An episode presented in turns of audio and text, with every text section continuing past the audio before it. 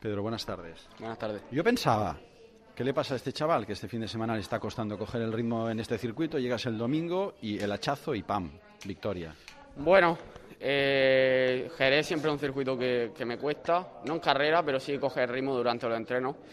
Y la verdad que, bueno, al final en carrera es otra historia, ¿no? Me pongo mucho menos nervioso que en los entrenos. Entonces creo que esto nos ha ayudado bastante, el equipo ha trabajado durísimo porque hasta en el warm-up hemos estado tocando cosas, entonces creo que si no era la mejor moto que hemos tenido hasta ahora, ha sido una de las mejores y creo que esto ha sido gracias al trabajo duro.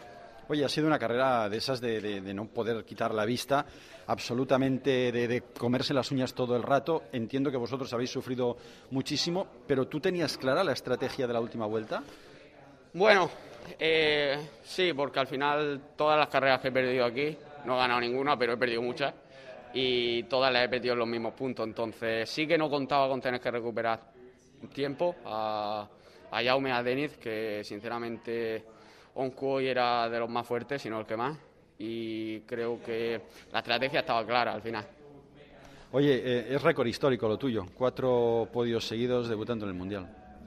Bueno, eh, estamos trabajando duro desde noviembre. Eh, la verdad que el equipo se adaptó muy bien a mí y yo a ellos. Entonces creo que esto ha sido lo que nos ha, lo que nos ha ayudado. Muchas felicidades. Muchas gracias.